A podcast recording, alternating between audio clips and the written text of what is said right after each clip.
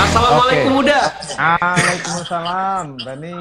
Ah, apa kabarnya? Elo, elo, elo. Ba kabar Bani? Halo, alhamdulillah. Waduh, siap. Sekarang ngapain aja nih di rumah aja nih sekarang? Udah. Sama kita di rumah, tapi kita terus menulis kan, menulis Oh, dan membaca. udah udah menulis sekarang ya. Lanjut Ya. nulis lagi ya udah. Ya, ada ada berapa novel yang sedang digarap nih. Bani ngapain Bani? Saya sibuk ini nyeting eh, PC karena mau fokus ngevlog lagi aku udah. Wes, Karena lagi karena posisinya lagi begini kan kita bingung ya karena syuting nggak bisa udah. iya iya iya. Jadi mau nggak mau aku harus harus ya vlog lah vlog udah paling paling bener menurut aku sih untuk sekarang. Nyeting sendiri, Bani?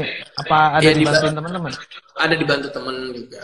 Mantap. Ge- Gearnya udah lengkap dong ya? udah. Udah. Nanti, udah udah. nanti kita whatsappan nih, nanya gearnya. Menarik juga nih idenya. Iya iya boleh boleh. Boleh udah. Iya, iya. Aduh, gimana udah udah udah mulai bosan belum sih udah di rumah aja?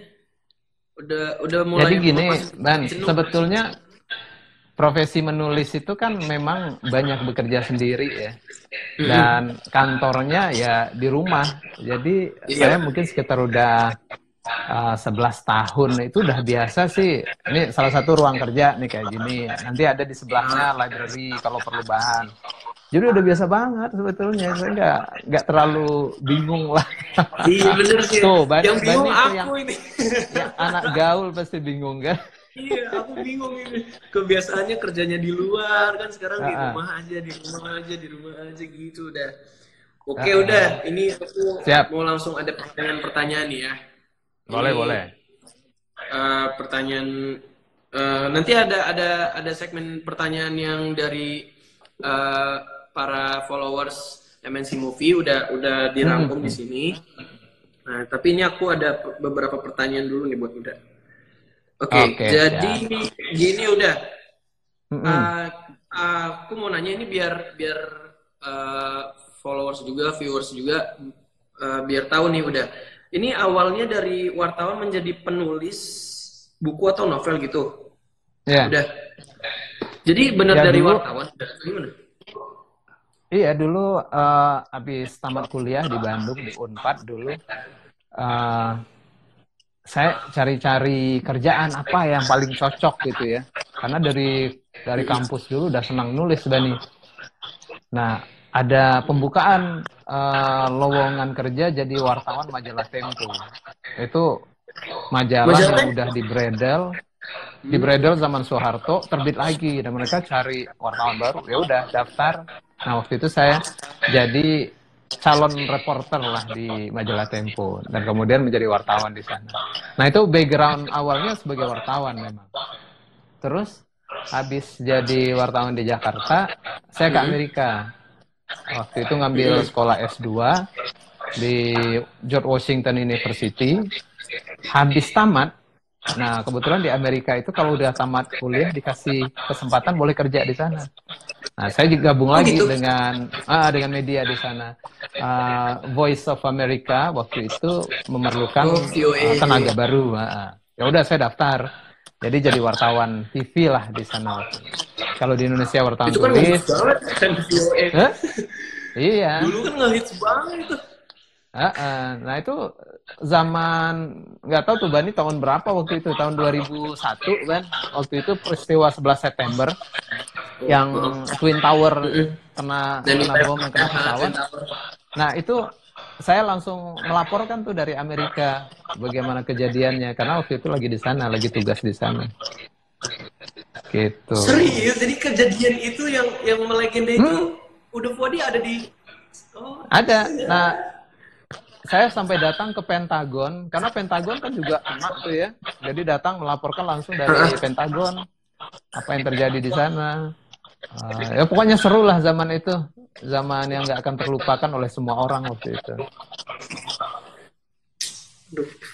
Keren keren keren. Nah, sebetulnya Ban, cerita-cerita itu ada dalam sebagian ada dalam novel-novel saya. Karena novel itu kan dikembangkan, dia tetap fiksi, cuma dikembangkan sebagian dari apa yang pernah saya alami. Oh, Iya, gitu. oke oke oke. Pantesan tuh kayaknya ada di rantau satu muara deh itu. Nah, udah baca ya? Udah baca dikit Eh. dikit dikit. Hati-hati, nanti jadi film loh. Amin. Amin. Ini nah, apa? Rana tiga warna kan tahun ini ya. Jadi Ah, ah. ini buat penonton juga tahu harusnya itu uh, pertengahan tahun ini ya tadinya ya, udah ya. Mm-mm. Cuman cuman karena emang tiba-tiba nggak disangka-sangka ada pandemi corona ini COVID-19, Iya. kita jadinya mundur juga ya, udah. Tapi insya Allah tahun ini sih Betul, akhir tahun ini.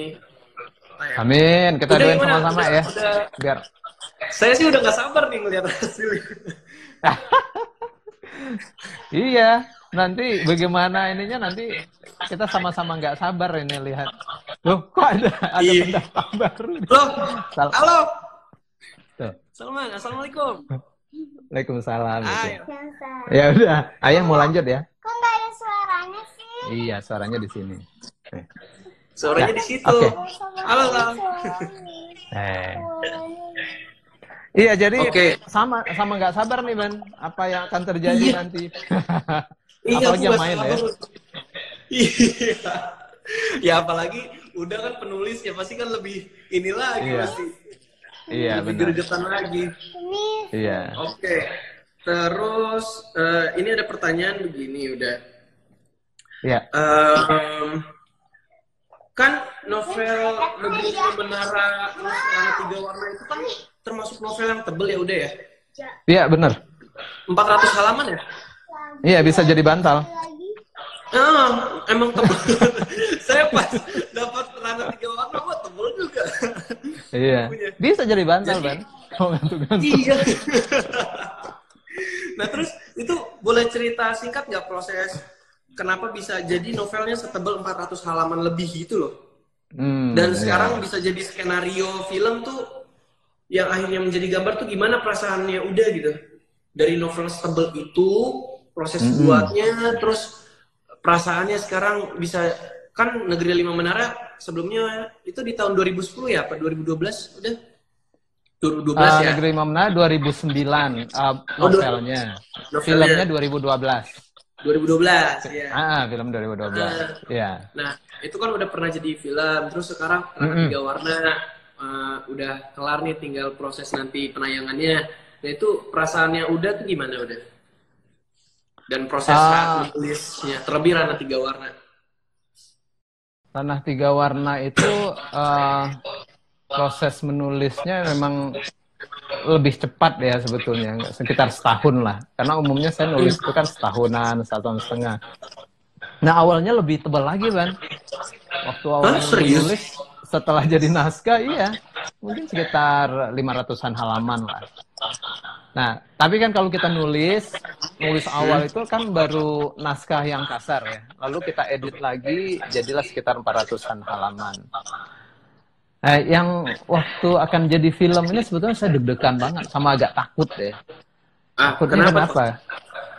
Karena nulis itu kan kita memilih setiap kata itu dengan sepenuh hati ya. Udah benar-benar dipikirin, dipertimbangkan. Jadilah dia sebuah kata dan menjadi kalimat.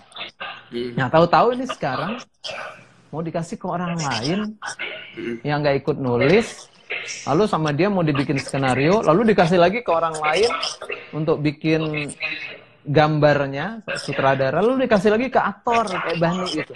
Ini saya mikir tulisan saya yang awal itu nanti benar-benar sesuai dengan saya bayangin nggak? Jadi ada ketakutan nih. Ada ketakutan Jangan-jangan itu nggak ya? nyampe. Jangan-jangan yang saya ingin sampaikan ini malah istilahnya lost in translation gitu ya, hilang di tengah jalan. Iya benar-benar. Jadi sempat Karena ada- melewati beberapa orang juga ya jadinya ya. Iya.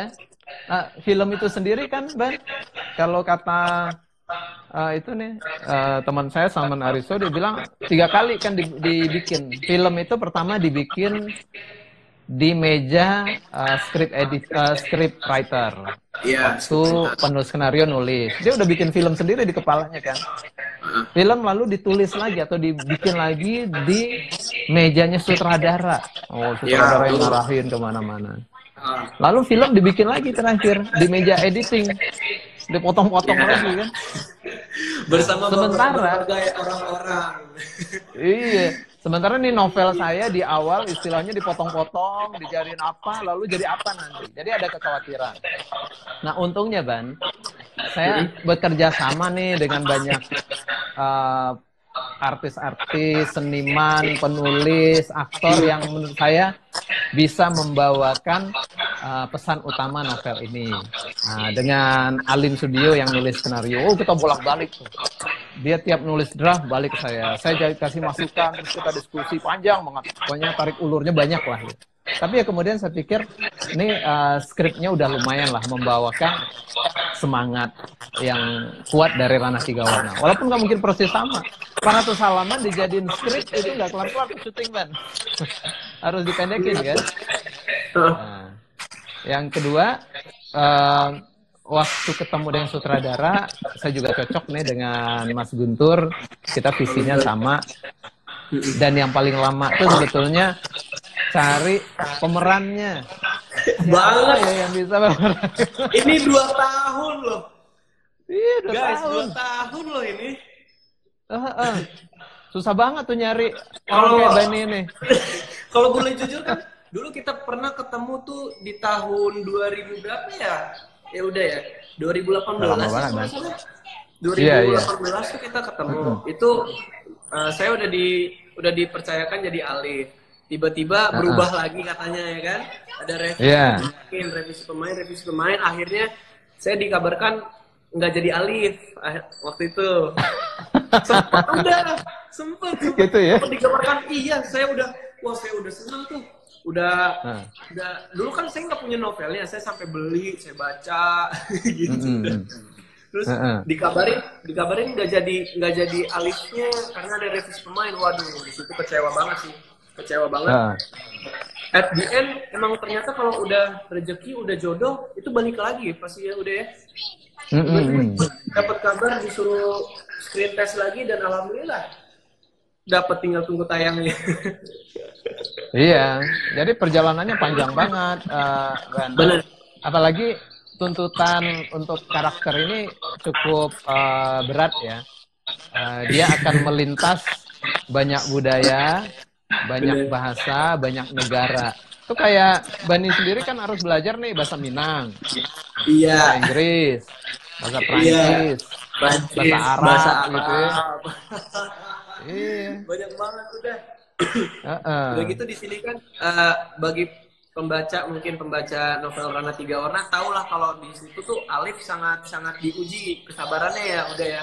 Benar, benar. prosesnya Alif ya bener-bener di di buku Rana Tiga Warna tuh prosesnya Alif menjadi menjadi manusia yang benar lah bisa dibilang kayak gitulah ya. Tapi dalam proses syutingnya juga diuji banget juga ya kesabarannya ya, Ban ya. banget banget banget banget banget.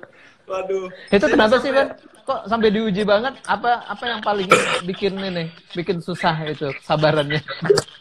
Jadi itu eh, mungkin karena saya hidupnya apa ya nggak seperti Alif. Alif kan tuh struggle banget. Dia kan dia kan banyak cobaan sana sini, banyak yang difikirkan. Ya kan pressure-nya ada tekanan dari mana-mana. Sedangkan aku nggak ada di posisi Alif. Sedangkan aku harus menjadi Alif gitu kan, harus ada di posisinya Alif. Itu tuh sampai sampai memang dibikin tekanan banget sih dari dari dari kantor, dari dari Pak Guntur juga, eh, Unidani juga ngasih ngasih masukan, ngasih nasihat apa segala macam, dari Uda Fuadi juga. Jadi itu ngebuat banyak pressure. Jadi aku benar-benar kayak dan gak dibolehin juga udah pas lagi saat syuting nih kan ada Raim, ada Sadana, mereka kan stand up komedian yang bisa ketawa-tawa apa segala macam bercanda. Saya nggak boleh ikut bercanda lagi di lokasi. Kasian banget ya. Wah jadi mereka pada Jadi ketawa, nih- pada, bercanda. Jadi teman-teman yang yang lagi dengar ini, ini cobaan buat Alif ini luar biasa ini selama Banget. proses film dan selama persiapan ya. Iya, tuntutannya aja harus belajar bahasa Minang itu kan gak gampang. Lalu langsung pindah ke bahasa Perancis, pindah lagi ke bahasa Iya. Arab. Itu bener. kalau saya ngebayangin dalam waktu singkat itu juga kepalanya bisa pecah juga. Belum lagi waktu itu Tapi saya keren. dapat Mm-mm. Dapat tantangan harus kurusin badan ya kan. Oh, harus ngurusin badan ya. Wah itu, wah. itu gimana, Bang? Boleh di boleh dibagi itu ke orang-orang. Oh, bisa bisa iya, close bisa, dalam bisa, bisa. waktu singkat.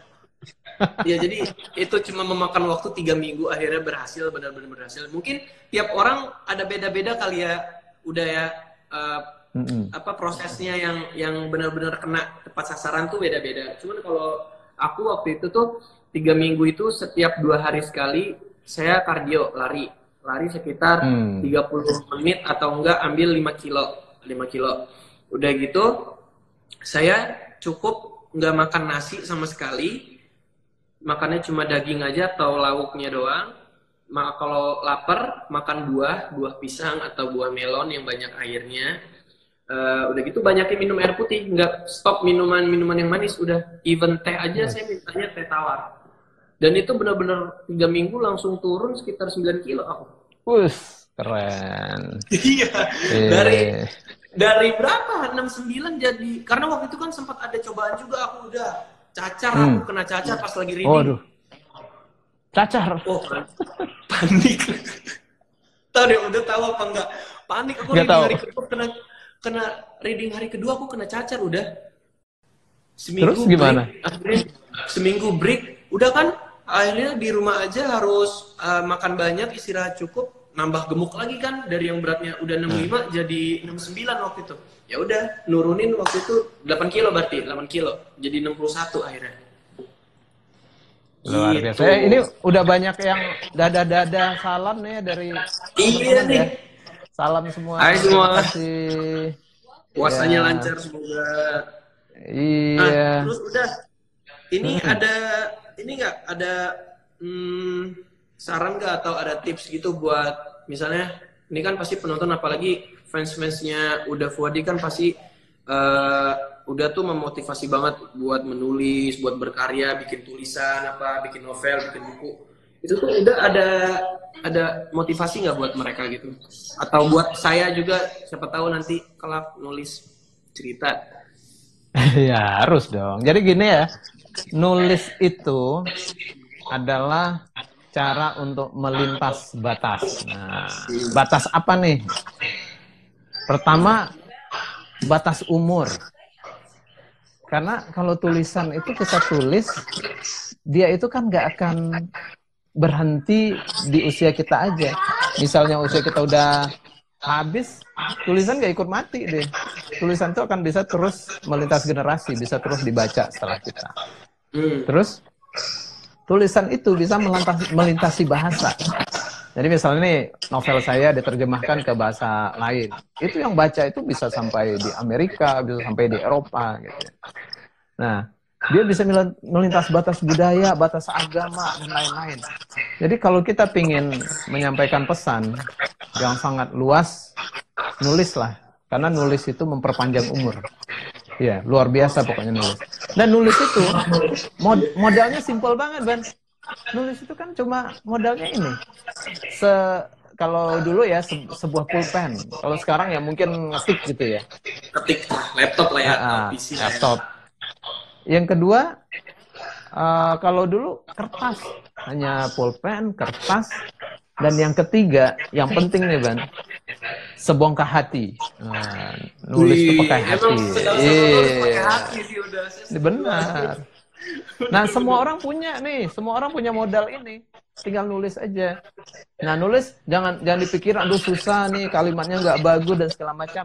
Nggak peduli kalimat dan segala macam jangan pikirin dulu. Yang penting nulisnya dari hati. Nah, ini penting nih. Semua yang kita tulis dari hati itu akan sampai ke hati. Bah- bahasanya udah bahasa hati, Ban. Jadi teman-teman nih kalau nulis ya, rasakan benar-benar dari hati itu nyampe loh ke hati yang baca dan kadang-kadang nggak perlulah bahasa yang aneh-aneh karena bahasa hati itu lebih kuat daripada itu semua. Wah, Makanya zaman-. Makanya zaman dulu ya, zaman sekarang sih nggak lagi ya. Zaman dulu kita kalau suka sama orang itu ya nulis surat kan dengan sepenuh hati Iya ya sih. nyampe. Kalau sekarang langsung paling apa ya? "Ah, berkata-kata. Zaman sekarang paling DM gitu ya. iya pakai Jadi. Yang lagi uh, serius nih mencari jodoh, udah benar-benar mau jadi tapi nggak tahu ya. Nulis aja surat itu sampai. Itu lebih lebih kena ya. Udah ya, Oh lebih kena, ya. langsung ke pelaminan. gitu. Oke, sekarang kita bacain eh, ada tiga pertanyaan nih udah nih dari Hmm. Dari apa eh, followersnya MNC Movie. Ini udah Ya. dirangkum sama ini. Cuman ada ada pertanyaan yang buat saya, ada pertanyaan yang buat udah Fuadi nih. Hmm. Oke. Terus ada satu pertanyaan yang emang kita jawab berdua. Ini dari at ZEEE underscore A. Ini lebih bagus mana film ke novel apa novel jadi film? Mau siapa dulu? Udah dulu deh jawab deh. Lebih bagus Ya. mana udah udah udah. Film ke novel atau novel itu jadi film? Yang lebih sering itu kalau menurut saya lebih sering eh, apa namanya dari novel ke film. Jadi karena bahan tulis bahan dasarnya sudah lengkap ya. Nah itu biasanya lebih gampang dikembangkan. Kayak tadi itu bisa dipotong-potong dan segala macam. Kalau dari film dia ke novel bisa juga. Cuma saya nggak terlalu banyak tahu yang yang mana yang kuat ya. Nah yang kedua kalau dari novel itu itu setiap pembaca itu sebetulnya udah punya bioskop loh di kepala mereka. Waktu baca novel itu kan langsung kebayang sendiri ya. Di Benar, kepala mereka udah ada bioskop, udah benar. ada cerita sendiri, warna sendiri. Tahu-tahu di, dibikin jadi film oleh uh, pembuat film, filmmaker. Benar, benar. Kadang-kadang pembaca buku itu marah-marah loh, Ban. Di Ih, bioskop tuh marah-marah, lo kok kayak gini?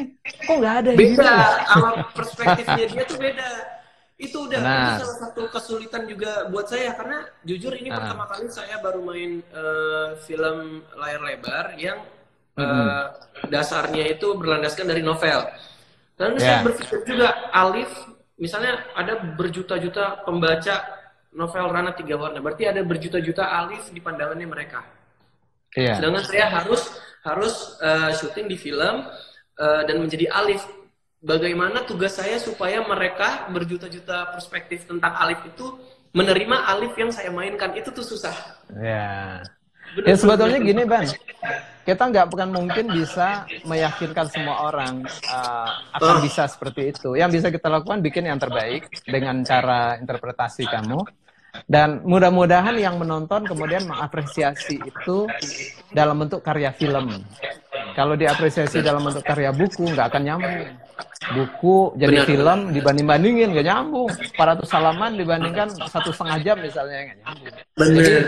Buat teman-teman yang nonton nanti ya, boleh apresiasi karya ini sebagai sebuah karya seni baru yang bentuknya berbeda, tapi diilhami oleh sumur ide yang sama dari dasar yang sama yaitu novel Renah Tiga Warna. Tiga warna. Gitu. Manso lah gitu ya.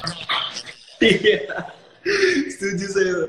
Oke, pertanyaan kedua dari at as underscore BXUni. Setelah memerankan Alif, apa yang Bani suka dari sosok Alif dan berpengaruh apa dalam kehidupan Bani? Oke, ini karena ada sangkut pautnya juga sama Udah penulisnya.